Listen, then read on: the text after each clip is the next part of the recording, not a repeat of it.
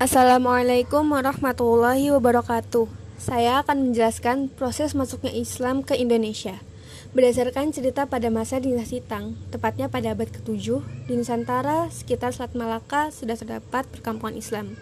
Pada masa itu, terjadi kegiatan pelayaran dan perdagangan antara Laut Tengah dan Asia yang dilakukan oleh kerajaan dinasti Umayyah dengan kerajaan Cina di bawah dinasti Tang melalui Selat Malaka.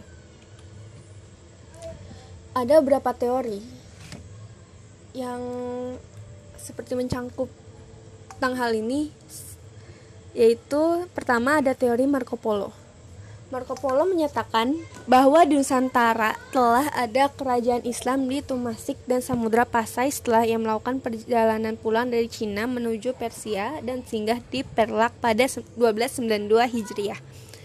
Di antara pelabuhan penting di jalur dagang internasional terdapat pula kerajaan Islam besar yaitu Kerajaan Malaka. Pelabuhan ini mulai ramai pada abad ke-12, yaitu ketika Majapahit masih memiliki pengaruh di kawasan tersebut dan ketika para pedagang Islam dari berbagai bangsa sudah melakukan perdagangan dengan pedagang di kawasan ini. Yang kedua ada teori Tom Pires. Menurut Tom Pires, pengembara asal Portugis Pelabuhan Malaka ramai dikunjungi para pedagang dari luar negeri seperti Kairo, Mekah, Aden, Abyssinia, Persia, Turki, Armenia, Gujarat, Goa, Malabar, Keling, Thailand, Benggala, Kedah, Siam, Pahang, Kamboja, Kampa, dan Cina. Para pedagang pribumi mengadakan interaksi dengan para pedagang dari negeri-negeri Arab, Persia, Gujarat, dan Banggala. Interaksi itu berpengaruh terhadap terciptanya pertukaran pengalaman, kebudayaan, dan peradaban di antara mereka. Pertemuan ekonomi antar pedagang tersebut merupakan sarana yang sangat penting dalam proses islamisasi di Indonesia. Yang ketiga ada teori batu nisan. Pada abad ke-11, di pesisir utara Jawa Timur yaitu Leran dan Gresik ditemukan sebuah nisan yang bertuliskan jenis huruf Arab eh ya jenis huruf Arab huruf Kufi pada nisan kubur di Panrang Kampa. Nisan kubur Fatimah binti Maimun bin Hibatullah ini diperkirakan bahwa di pesisir utara Jawa Timur, khususnya di Leran, telah terdapat sekelompok muslim yang mungkin berasal dari Timur Tengah. Selanjutnya, pada abad ke-14 dan ke-15, di pesisir utara Jawa Timur sudah ada komunitas muslim. Hal ini ditandai dengan adanya makam tokoh agama di Gresik yang oleh masyarakat setempat dianggap seorang wali, yaitu Maulana Malik Ibrahim yang wafat pada 822 Hijriah atau 1419 Muharram. Secara keseluruhan, berikutnya menunjukkan pers Secara keseluruhan, bentuknya menunjukkan persamaan dengan makam di Samudra Pasai, yaitu seperti makam Putri Nahrasyah dari tahun 1428. Kedua makam tersebut memiliki persamaan dengan makam Umar bin Al-Khazaruni tahun 1333 di Kambai, Gujarat.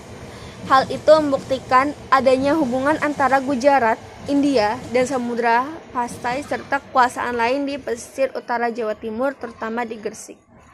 Dengan kata lain, hal tersebut memberikan petunjuk bahwa batu nisan itu dipesan dari daerah Gujarat dan membuktikan adanya hubungan di antara kedua pedagang wilayah tersebut. Yang keempat, teori sejarawan Cina. Berita dari Mahwan yang mengikuti Laksamana Cheng Ho dalam berita ekspedisi yang diterbitkan dalam buku Ying Yai Seng Lan 1433 memberikan bukti tentang keberadaan komunitas muslim Timur Tengah di daerah pesisir Jawa, terutama Jawa Timur. Dikemukakan bahwa sebagian penduduk Tuban dan Gresik adalah muslim yang berasal dari kerajaan asing. Mereka juga mengenakan pakaian dan memakan makanan yang bersih Golongan lainnya adalah orang Tang yang berasal dari Kuangtung dan tempat lain di wilayah Cina Selatan. Kebanyakan dalam mereka telah meluk agama Islam. Ada juga uh, beberapa proses penyebaran Islam di Indonesia yaitu pertama ada perdagangan secara geografis wilayah Nusantara berada di dekat Selat Malaka Selat Malaka sangat strategis untuk jalur perdagangan internasional karena Malaka merupakan pintu gerbang keluar masuk kapal perniagaan India, Persia, dan Timur Tengah.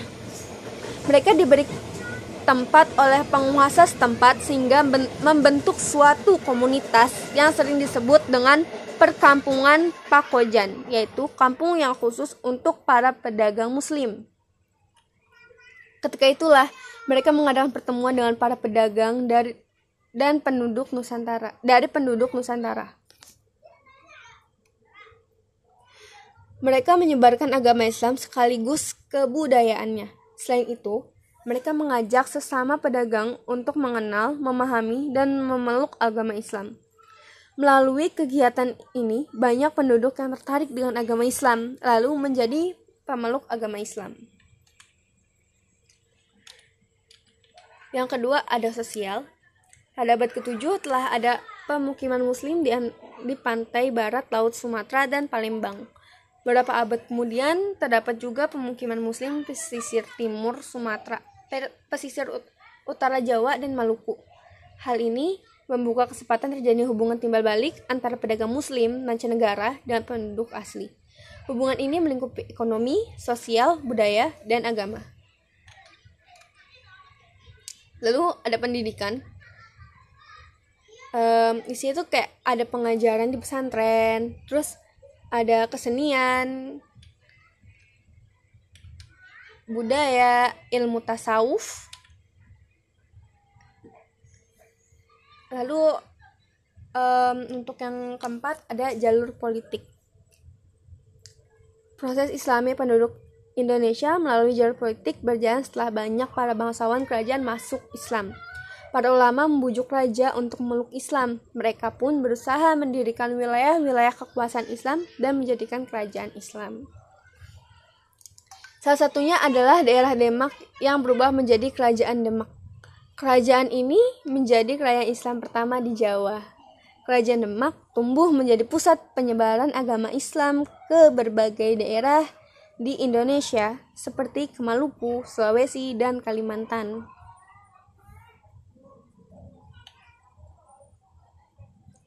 Sekian dari saya. Assalamualaikum warahmatullahi wabarakatuh.